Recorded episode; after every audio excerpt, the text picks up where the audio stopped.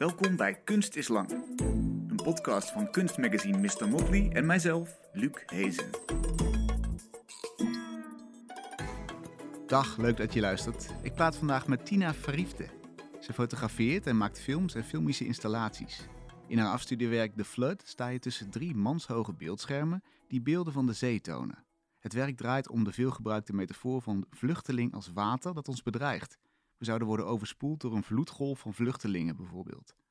Een robotachtige stem deelt mee hoeveel vluchtelingen er op welke datum zijn omgekomen op zee in een poging Europa te bereiken.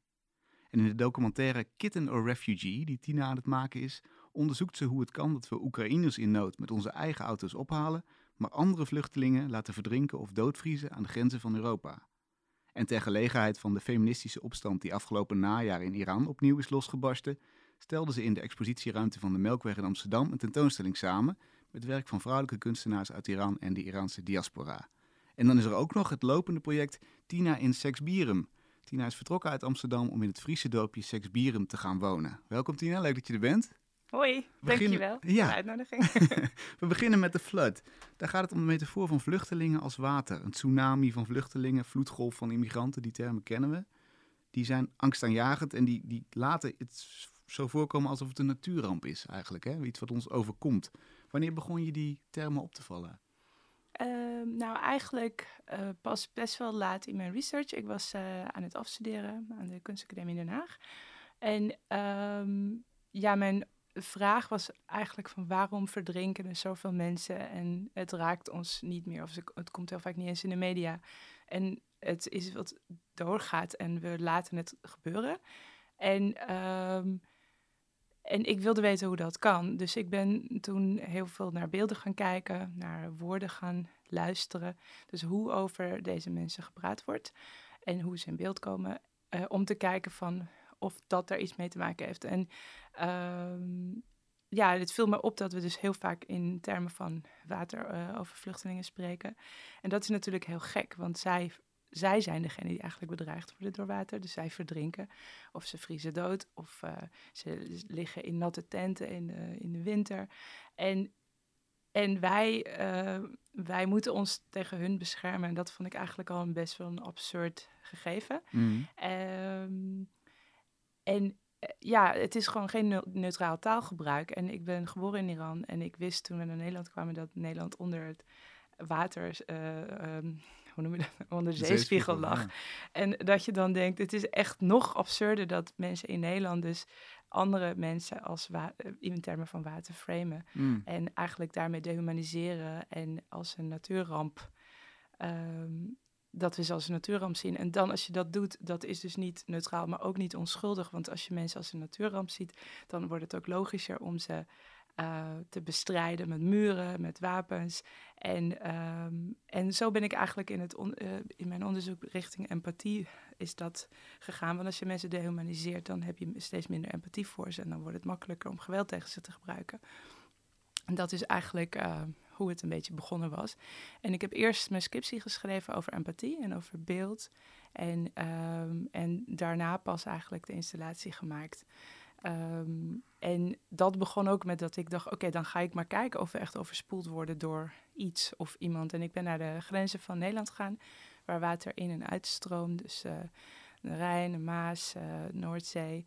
Uh, en dat zijn de meeste saaie plekken eigenlijk op, uh, op aarde, want er gebeurt eigenlijk niet zo heel veel. Nee, er is geen tsunami uh, te bekennen. Nee, daar was niemand. Uh, hele desolate plekken. En, en ik begon met fotografie, maar ja, steeds elke keer als ik naar die foto's keek, wist ik ook dat het, het bevatte niet dat gevoel. Dus ik ben op een gegeven moment gaan filmen, omdat het natuurlijk over beweging gaat en over het gevoel ook van overstroomd of overspoeld worden. Maar ook het gevoel dat je op drift bent, dat je aan je lot wordt overgelaten, dat je geen controle hebt en dat, dat er iets op je afkomt. Um, dus ja, dat is eigenlijk een beetje kort hoe dat gegaan is. Dus heel veel kan, waterfilmen. Ja, heel veel waterfilmen. En hoe kan het dan dat die beelden en die robotstem met die, met die kale, droge feiten, dat die meer indruk maken dan de feitelijke beelden van die rubberbootjes? Dat is een hele goede vraag. Um, ja, ik kan natuurlijk niet in het hoofd van mensen kijken, maar dat probeer ik wel. Uh, om er daarover na te denken. Ja, maar ook veel gesprekken te vo- voeren. Ja. Maar wat ik denk dat er gebeurt is dat we zoveel beelden hebben gezien dat ze op een gegeven moment dat er een soort dat er eh, een soort gewenning plaatsvindt. Dus dat we of dat we niet willen kijken omdat ze te heftig zijn, of dat ze eh, dat we zeggen dat dat hebben we al en dat associëren we met al eigenlijk eigenlijk onze mening, met onze politieke voorkeur of met onze wat we ervan vinden. En dus dan kijken we niet opnieuw echt naar die beelden. Wat gebeurt er daar echt? En, Zo van, ehm, dat, dat hebben we al opgeborgen of zo. Als die ja. binnenkomen, dan gaan die in het vakje. Precies. Dan heb je al meteen dat er een soort van associaties opkomen van ja, maar het kan niet anders of we hebben daar geen oplossing voor, dus eh, weg. Ja. Eh, praktisch ook dat die beelden heel vaak het nieuws niet meer halen, omdat ze geen nieuwswaarde meer hebben bijna, behalve als er echt een schip eh, met eh, de 100 man, 200 man eh, ehm, overboord eh, zinkt, dan misschien wel, maar anders niet. En wat er ook gebeurt, denk ik, is dat ook die beeldvorming, het wordt altijd gezien als een soort rechte lijn, maar het is eigenlijk een soort cirkelredenatie. Dus we zien ze als eh, dreiging, als gevaar, als groepen en dan zo worden ze dan ook in beeld gebracht en dat voedt dan weer onze idee erover. Dus het, eh, je blijft eigenlijk dat in, in stand houden door ook hoe ze in beeld worden gebracht en hoe over ze gepraat wordt, waardoor we die beelden ook ons daadwerkelijk vaak minder raken. Ehm, dan als je dat op een andere manier zou kunnen eh, zou fotograferen, bijvoorbeeld. Dus denk een combinatie van eh, deze factoren. Hmm. Jij hebt dit onderzoek al jaren geleden gedaan, of tenminste het begin daarvan ligt jaren geleden.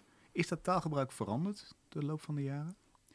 Nou, het is, eh, het is schaamtelozer geworden, denk ik. Maar het valt wel mee hoe lang. Ik heb tijdens mijn afstudeerjaar, ik ben in 2021 afgestudeerd, Ja. dus ik ben in eind 2020 begonnen met eh, mijn onderzoek, met mijn scriptie. En in 21 heb ik het werk gemaakt. En ik blijf het volgen, want elke keer als ik het werk opnieuw laat zien, eh, update ik de data. En dat is voor mij ook een manier om ermee om te gaan, met de absurditeit ook, dat je werk maakt, maar het probleem blijft bestaan. Natuurlijk heel naïef om te denken, oh, ik maak daar werk over en dan lossen we dat op, want dat is niet hoe het werkt, helaas. Hmm. Uh, maar het is ook gek als dat af is en dat dan mensen nog steeds blijven verdrinken, terwijl jij dit verhaal hebt verteld met alles wat je in je macht ligt. En dus het is heel confronterend, maar ook vind ik wel belangrijk. Dus elke keer als ik het opnieuw laat zien, probeer ik de data te updaten. En dan is dat voor mij ook een soort weer een wake-up call van, oh ja, welke mensen zijn nu weer verdronken? Weet je, wat, uh, hoe werken de pushbacks nu? nu? En um, ja, dan ga ik ook opnieuw nadenken over de woorden die gebruikt worden en uh, de aantallen.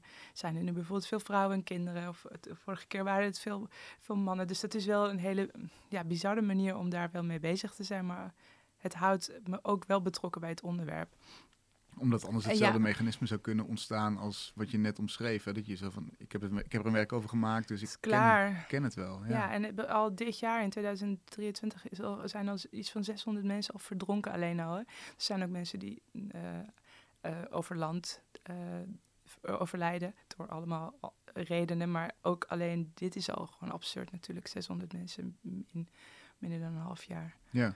Dus het, het, helaas wordt het erger.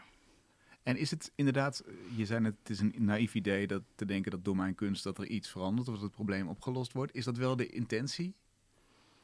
Nou, ik denk, uh, ja, de intentie is wel dat we in ieder geval een ander soort gesprek erover kunnen voeren. En natuurlijk zou ik willen dat ik dat zou kunnen stoppen, maar ik ben ook heel bewust van dat ik dat niet kan als, uh, als maker, maar ook als mens. Je kan het niet oplossen.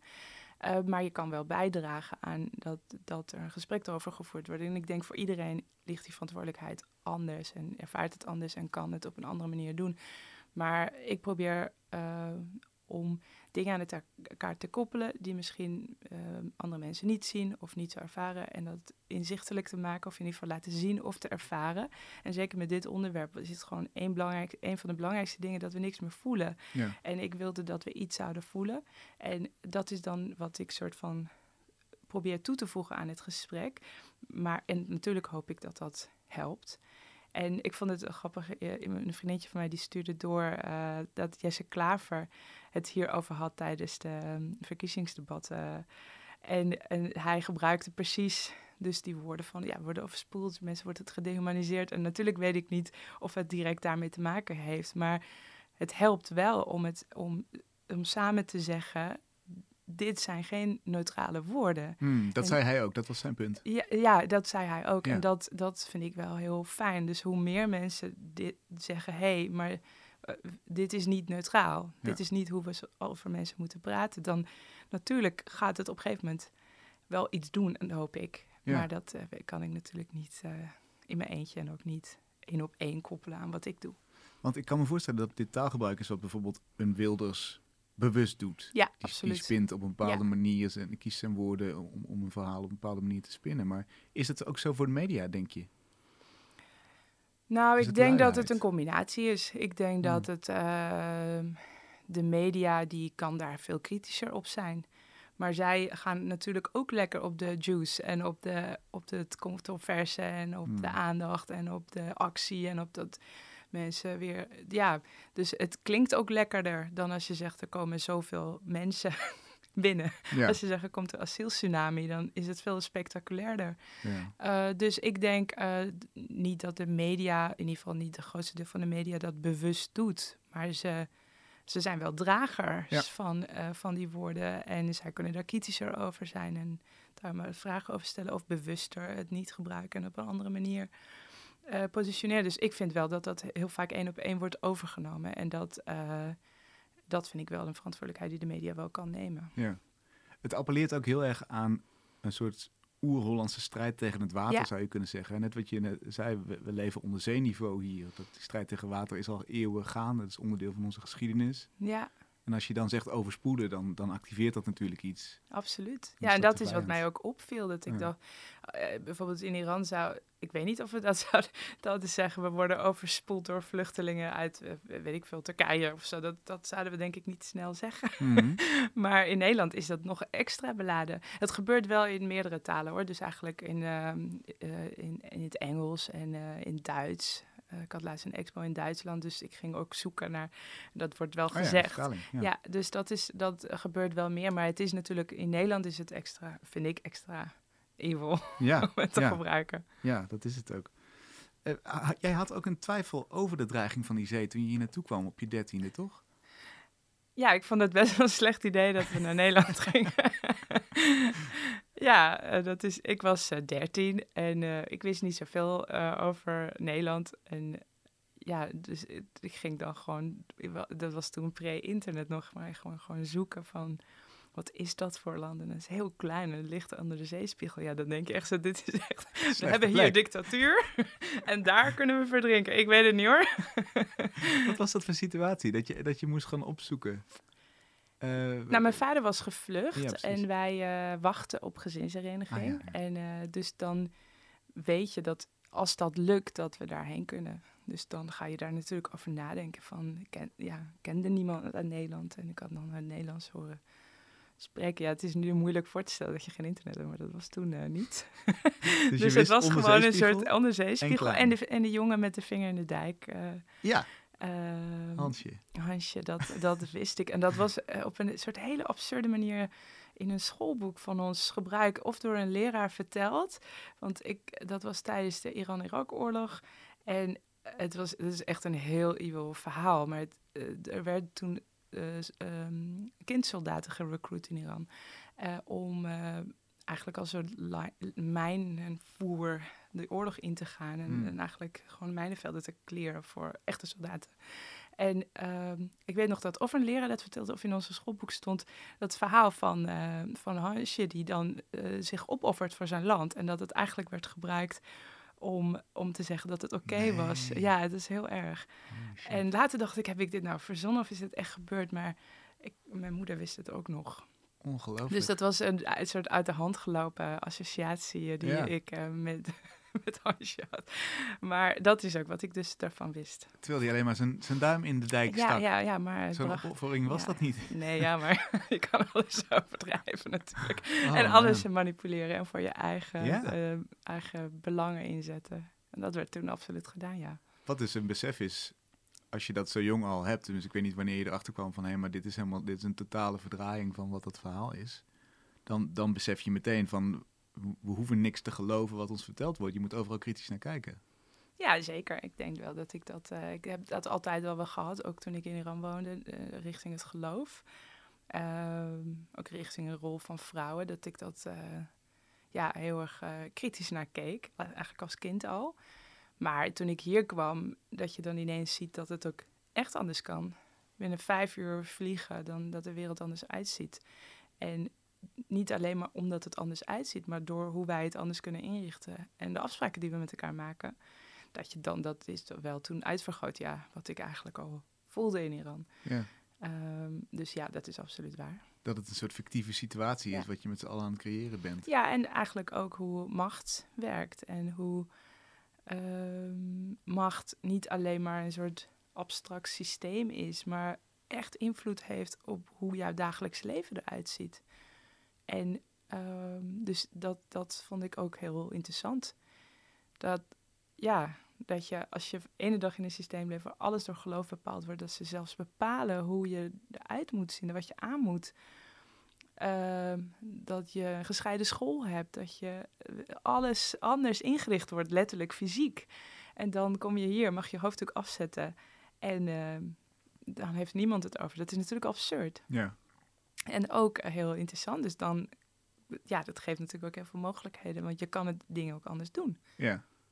En was dat vooral een gevoel van bevrijding? Of, of maakte dat je aversie tegen dat regime daar nog groter? Wat, wat, wat, wat, wat Een combinatie. Ja. Ja, ik denk wel, eh, ja, heel onwennig wel, ik, wel. Maar ook wel dat je,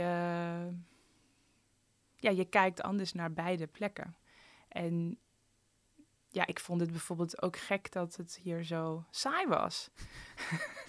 en dus dat je dan pas ziet hoe levendig Teheran bijvoorbeeld was, terwijl dat voor mij heel normaal was. W- Wanneer viel je dat voor het eerst op? Nou, ik ging, ik in? Enschede wonen, dus In dat, Enschede, ja. dat, en om zes uur was iedereen binnen en zat tv te kijken. En, Mhm. en dat was zo absurd voor ons. Dacht ik, waar is iedereen? Dus ja, ik kwam uit een miljoenenstad, dus dat vond ik wel heel boring. Ja, En wat doen ze eigenlijk überhaupt binnen?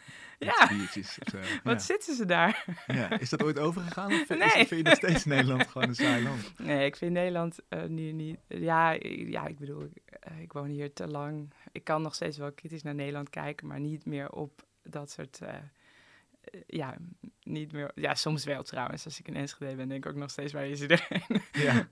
maar eh, ja, Heb je dan een idee hoe dat ontstaan is? Of eh, snap je waarom Nederland zo saai geworden is? Laat ik het zo zeggen. Als je zegt, ik kan met Oh, dat andere is- ogen naar, naar die twee culturen kijken. Twee landen. eh, ja, het is niet dat ik Nederland saai vind. Het is meer dat op dat moment heel erg was ja, het contrast was groot. Ja, het contrast was heel groot. En ik miste de chaos, denk ik.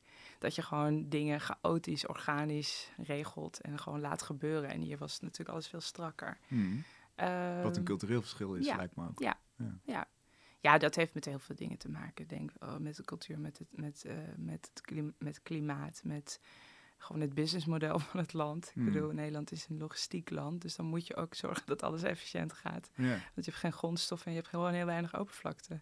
Dus je, je kan die chaos misschien ook helemaal niet permitteren. Of die vrijheid dat je gewoon dingen laat gebeuren en plekken gewoon laat. Alles is ingevuld en ingedeeld en gechopt in eh, efficiëntie en eh, in productie en Ja. consumptie. En Ja. natuurlijk ook met kapitalisme. Dat is dat, het hoofddoel in Iran was naar de hemel te komen eh, en een goed. En in Nederland was het om geld te verdienen en om dingen te kunnen kopen. Dus dat is allebei absurd, Ja. maar op een andere manier. ja, precies. Ja, heel interessant.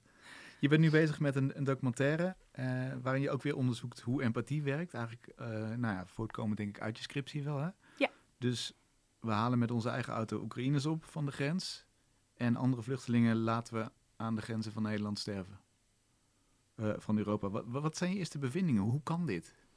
Ja, Wat- dat wat dacht ik hier? ook. Dat was ook mijn startpunt. Want eh, na de flood dacht ik, oké, ik ben wel klaar met dit onderwerp. Ik snap een beetje hoe het werkt. Ik snap dat als we mensen dehumaniseren en die angst wakker maken, dat onze empathie afneemt en dat het dan makkelijker wordt om mensen Buiten zo naar ja, buiten te sluiten, maar ook Ja. zo naar te behandelen. En eh, niet dat dat goed is, maar ik dacht dat ik het soort van snapte. En toen begon de oorlog in de Oekraïne, wat verschrikkelijk is. En eh, ja, wat terecht dat wij allemaal dachten, we moeten iedereen helpen. Want dat is, dat is heel goed. En dat is ook een hele menselijke en belangrijke eigenschap dat we hebben als mens.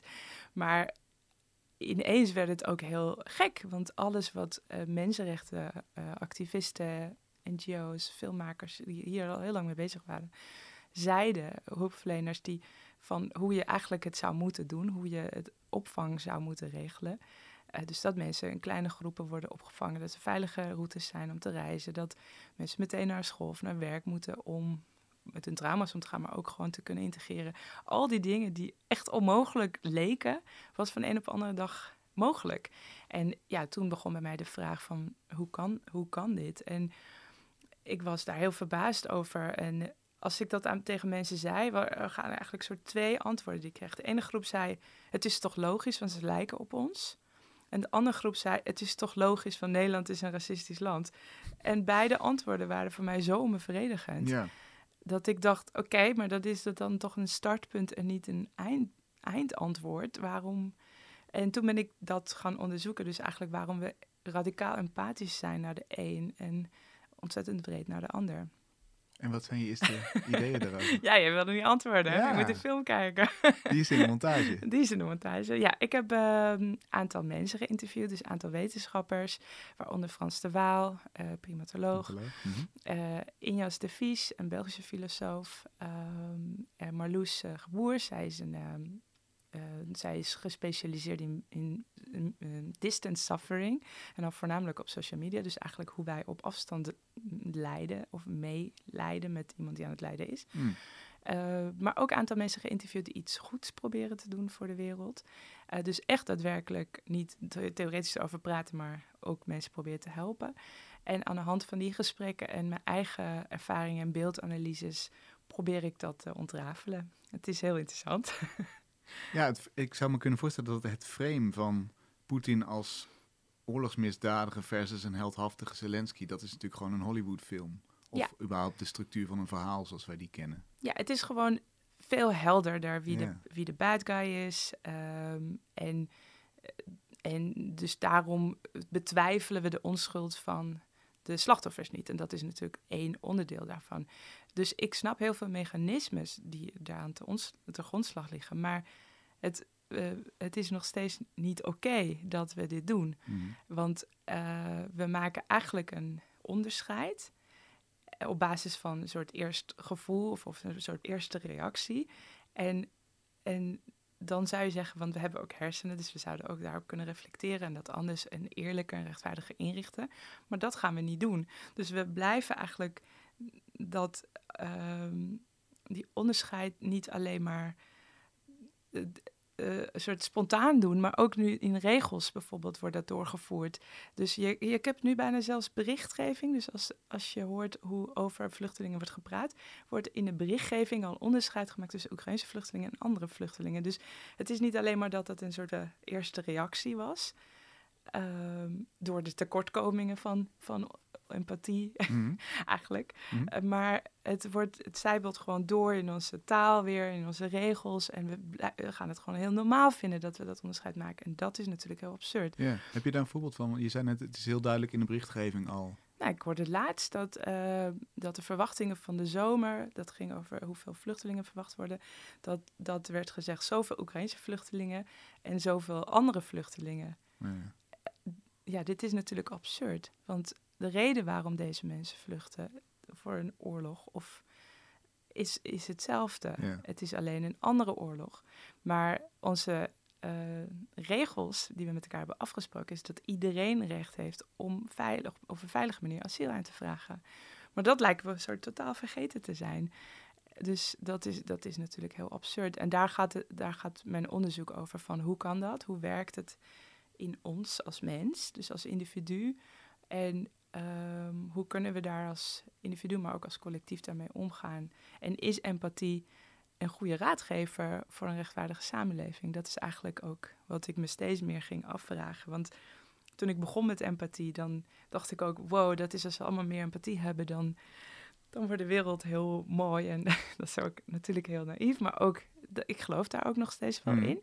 Maar empathie heeft ook een keerzijde, een donkere kant. En, ehm, en het is heel belangrijk om daar ook van bewust te zijn. En dat betekent niet dat empathie goed of slecht is, maar we moeten de beide kanten, denk ik, zien. En dan ook met onze hart en ons verstand naar kijken van wat, wat gebeurt en hoe kunnen we dat ehm, de goede kanten uitvergroten. En ja, precies. minder goede kanten misschien uh, ons corrigeren met onze, met onze hersenen en onze normen, waarden. Ja.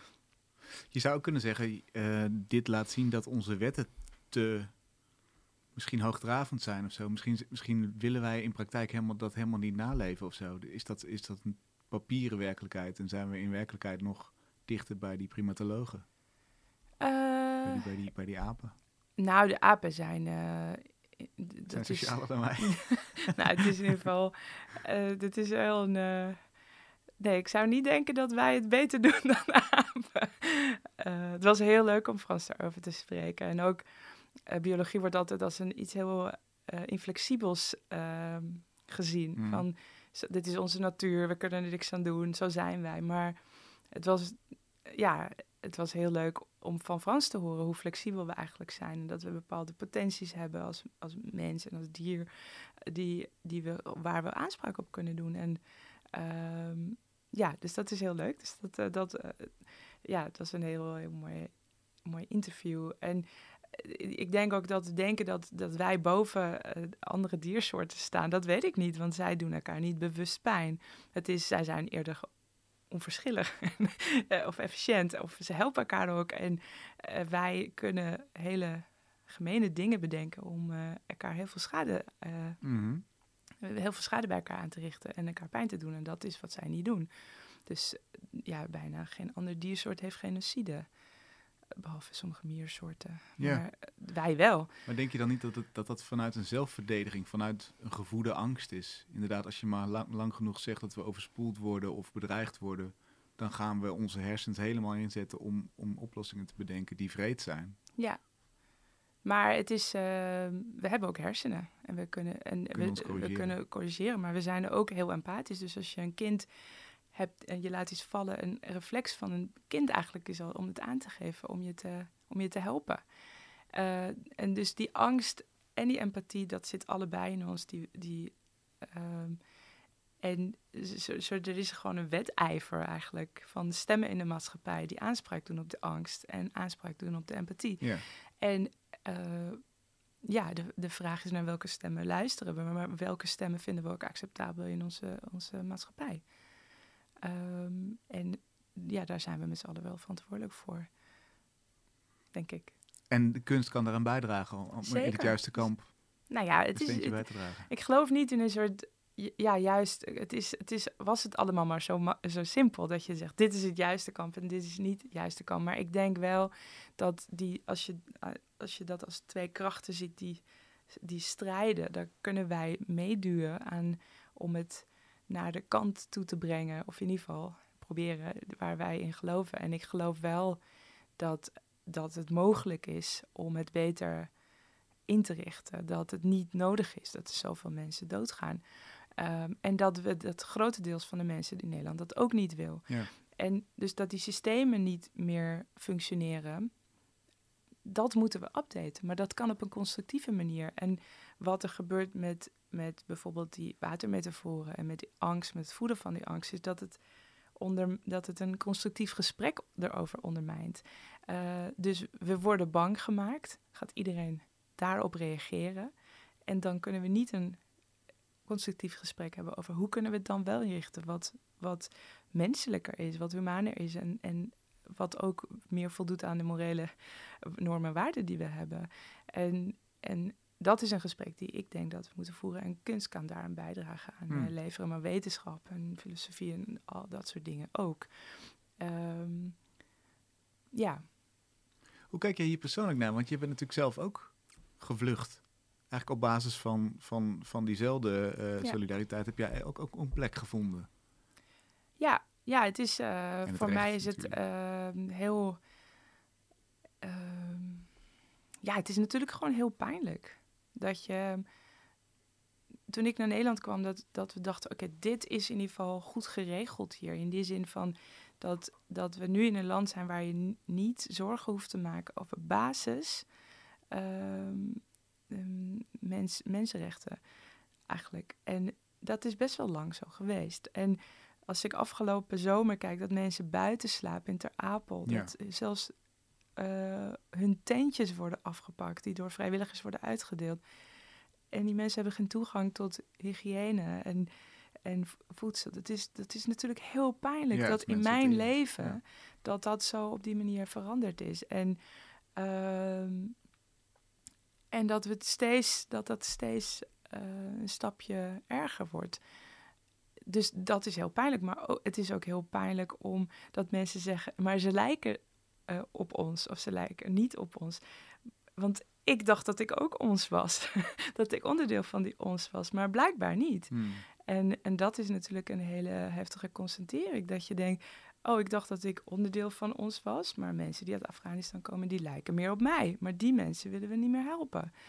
Wie is dan ons en wie bepaalt dat? En ehm, wie bepaalt welke ons dan hoe behandeld wordt? En ja, dat is natuurlijk super, uh, super pijnlijk. Ja. Is dat ook nog iets wat, wat, wat je in die documentaire of via kunst kunt uitzoeken? Is dat een, een middel om, om iets in, in, aan die, die verwarring uh, uh, te, ont, te ontwarren? Ja, ik denk het wel. Ik denk uh, dat kunst in ieder geval voor mij ook een manier is om dat te onderzoeken. en ook een manier is om te blijven kijken. Want eigenlijk, als het iets zo pijnlijk is, dan wil je liefst wegkijken. Je wil het niet zien. Ehm, zowel die beelden wil je niet zien, die data waar je het over had, eigenlijk wil je niet zien. Ja. Ehm, dat, dat dit ook over mij gaat, wil je het liefst niet zien. Maar doordat ik werk erover kan maken, dan heb ik een, heb ik een manier om daar op een constructieve manier iets mee te doen en dat communiceren. En ook soort proberen het te snappen en een, en een plek te geven. Dus absoluut, ik denk wel dat dat heel belangrijk is. En deze verwarring waar je het over had, van wie is ons en, en hoor ik daar dan niet meer ja, bij? Ja, hoezo ben ik ineens niet meer ons? Ik heb zo mijn best gedaan eigenlijk. Ja. en, uh, en je heel lang denk je, nou, ik ben, ik ben ook ons. En mensen die op mij lijken. Ik bedoel, het is niet alleen, het gaat natuurlijk niet over mij. Maar er wonen zoveel mensen in Nederland die niet op Oekraïners lijken, maar op mij. Mm. Of op andere Nederlanders van, van kleur. Of uh, ja, dat vinden we dan ineens, zijn, is die groep gewoon geen ons? Hè? Ja, hoe kan dat? Hoe kan dat? En hoe, hoe ben je die specifieke vraag dan met kunst te lijf gegaan? nou ja, ik ben daar nog mee bezig. Want dat zit er wel in die docu. Maar het is, het is veel makkelijker om dat heel theoretisch te doen. Dus de eerste versie van de edit was ook heel erg wetenschappelijk eigenlijk. Uh, dat ik gewoon vragen stel en dat ik er antwoorden op krijg. en dan probeer zoeken. proberen te begrijpen hoe dat werkt. Maar uiteindelijk gaat het ook natuurlijk van hoe kan ik uh, ook daarin dat persoonlijke ook vertellen en dat meenemen. En dat is natuurlijk een uitdaging, want dat uh, rationele is makkelijker, ja. vind ik. ja, je doet het een beetje. Je woont in Sexbierum. Ja. Dat is natuurlijk ook al, ik bedoel, als je... Als je dat is een lekkere overgang dit. Ja, dat is een mooi, bruggetje toch?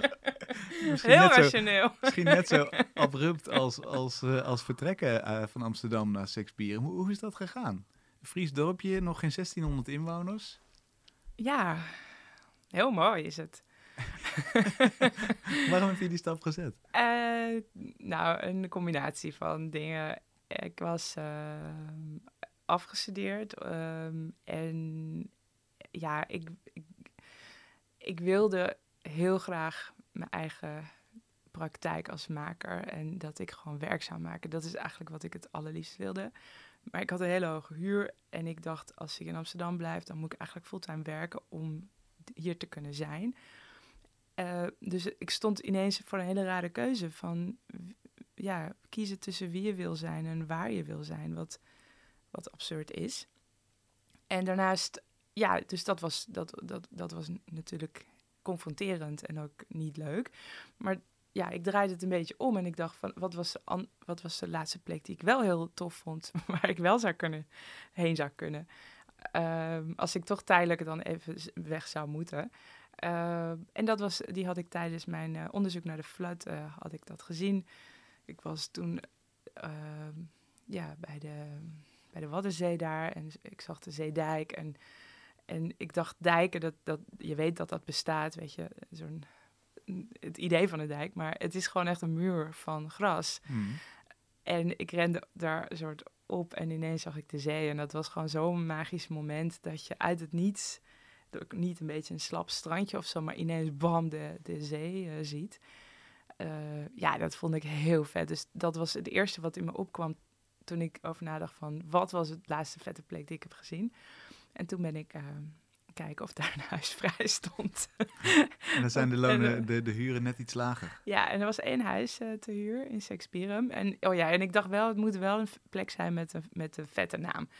Dus dat je gewoon een mooi, uit, mooi uitzicht hebt en een vette naam. En het was ook een beetje doordat ik zo boos was. Weet je, van als je toch nergens thuis wordt. Of als je toch nergens kan zijn. Of als het zo random is waar je geboren bent en waar je woont. Dan maar een plek met een eh, mooi uitzicht en een vette naam. Ja, dan ben je al heel, een en heel dacht ik, ja, dat, eh, dat klinkt heel goed. En ik heb een heel leuk huisje daar. eh, dat was ook het enige wat te huur was. En eh, daar woon ik nu. Dus op dezelfde plek als waar je eigenlijk die, die dreiging van die zee onderzocht, ging, je ging filmen om te kijken van is hier dan zo'n tsunami? Ja. Daar vond je een hele ja, een horizon vol, scho- vol schoonheid en je dacht hier ga ik wonen. ja, een van de plekken. Want ik was op meerdere plekken geweest. Maar dit vond ik wel echt een van de mooiste. Ja. Ja. Maar als je het hebt over ons en hoor ik bij ons, dan, dan denk ik dat in Sexpirum, ik, ik ben er eerlijk gezegd nooit geweest, maar ik kan me zomaar voorstellen dat, dat daar minder mensen, dat de mensen daar meer op Oekraïners lijken dan op Afghanen, laat ik het zo zeggen. Ja, ja, dat is absoluut Hoe waar. Dus daar. eh, ja, ik vind het leuk dat, het een beetje, dat ik daar een beetje ondefinieerbaar ben. Dus zij kunnen mij niet echt goed plaatsen, denk ik. En dat vind ik wel grappig. Maar ik vind de mensen heel, eh, heel vriendelijk. Ik bedoel, ik val wel op, dus ik voel wel dat mensen naar mij kijken. Maar het is. eh, ik vind de Friese heel cool. Ze zijn heel eh, een soort cowboys, heel autonoom in hun denken en Mhm. stoer en niet zo ja, ze doen gewoon hun eigen ding. En mijn buurman zei een keer iets heel moois van... We, we letten op elkaar, maar we laten elkaar. En dat vind ik een hele fijne combinatie. Dus dat, ik voel op een bepaalde manier veel verbondenheid die ik in Amsterdam... Ik heb mijn buren in Amsterdam heel vaak... Ik heb iets van op zoveel plekken hier gewoond in de stad. En ik hou van Amsterdam en ik voel me hier heel erg thuis. Dus dat is sowieso ook waarom ik zo soort gekwetst was. Ja, Ehm, dus da- dat is absoluut wel een plek waar ik me heel erg thuis voel en ook gewoon heel graag terug wil. Maar wat ik heel leuk vind in Friesland is dat je, of in ieder geval in, in het dorpje waar ik woon, want ik heb niet ervaring met heel Friesland, maar dat, dat er een verbondenheid is doordat de schaal heel klein is. Dus je, alles is wat directer met elkaar verbonden. Dus de mensen zijn directer met het landschap verbonden. En mensen zijn directer met elkaar verbonden.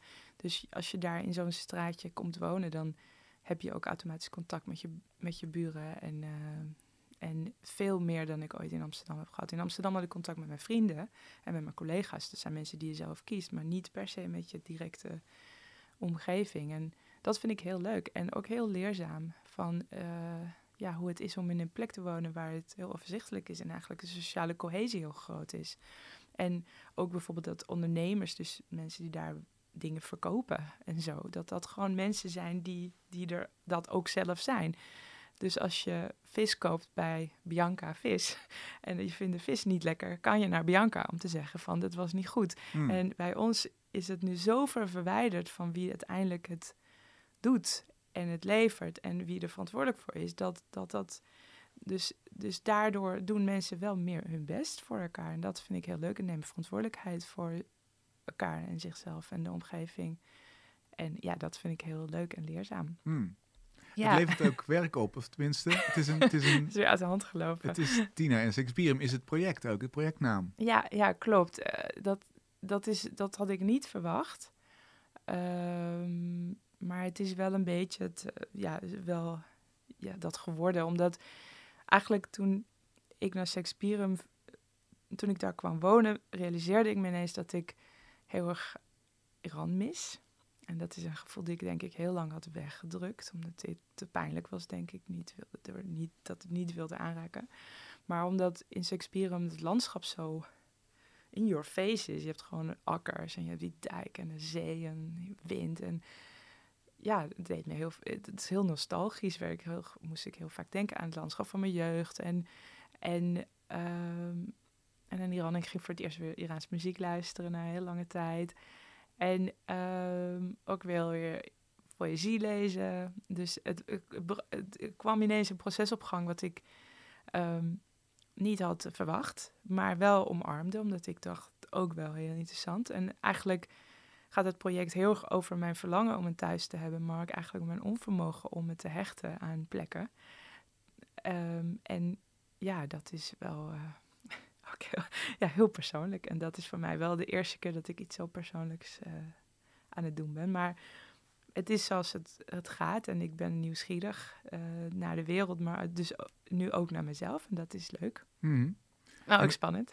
Ja, kan ik me voorstellen, omdat het weer heel persoonlijk wordt natuurlijk. Ja, er is geen ja. theorie wat die hierbij kunt... Nee, dit is uh, wel echt heel erg, uh, heel erg persoonlijk en ook eigenlijk inderdaad bijna geen theorie.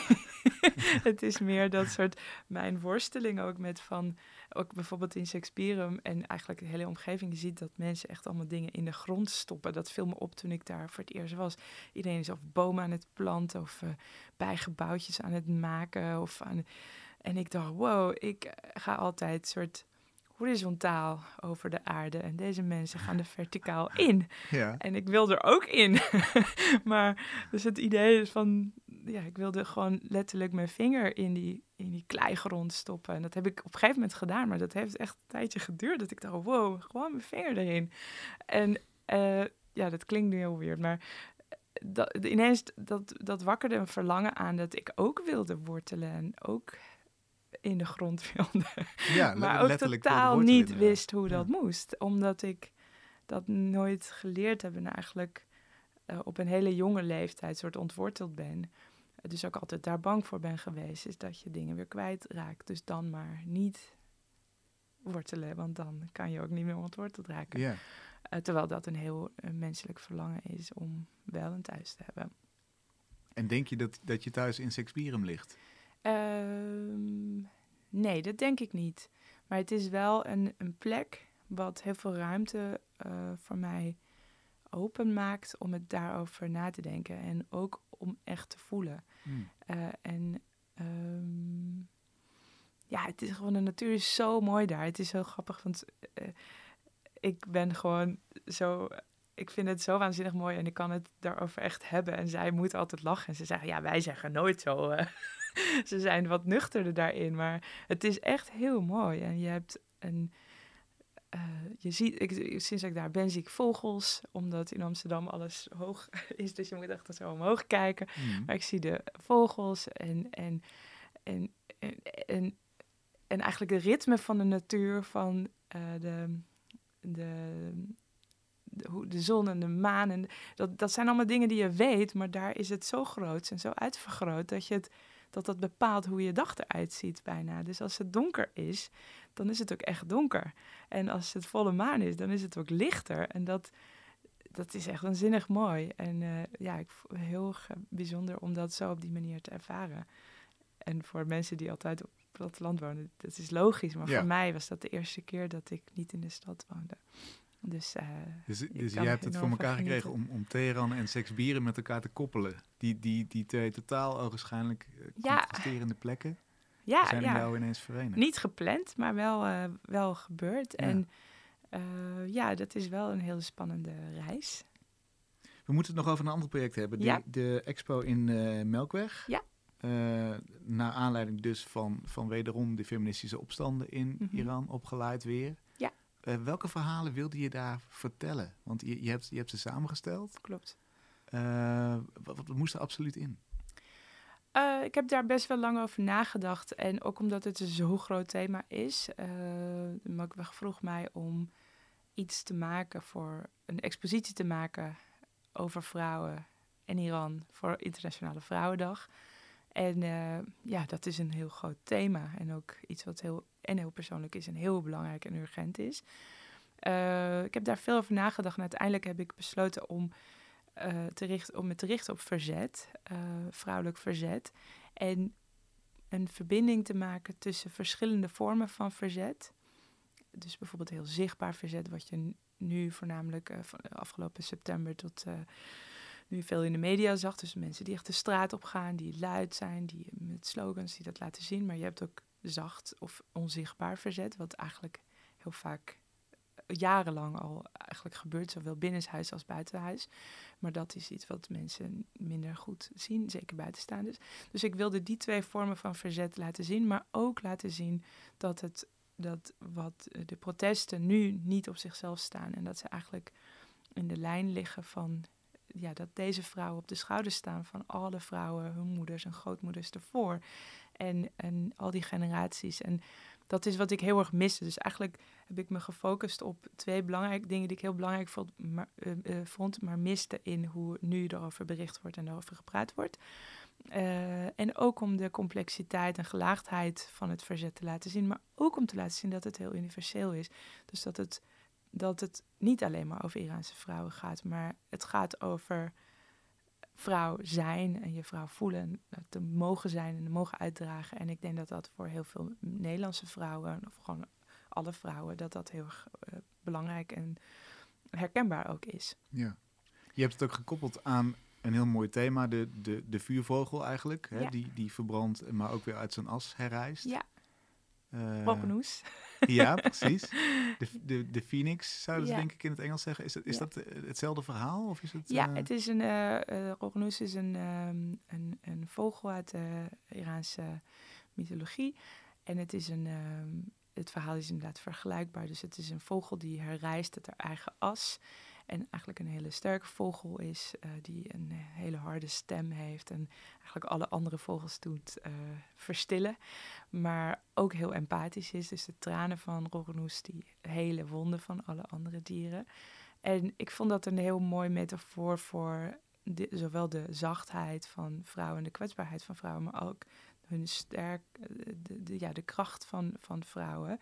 En ook dat, dat die doorzettingsvermogen van generaties lang vechten tegen die onderdrukking.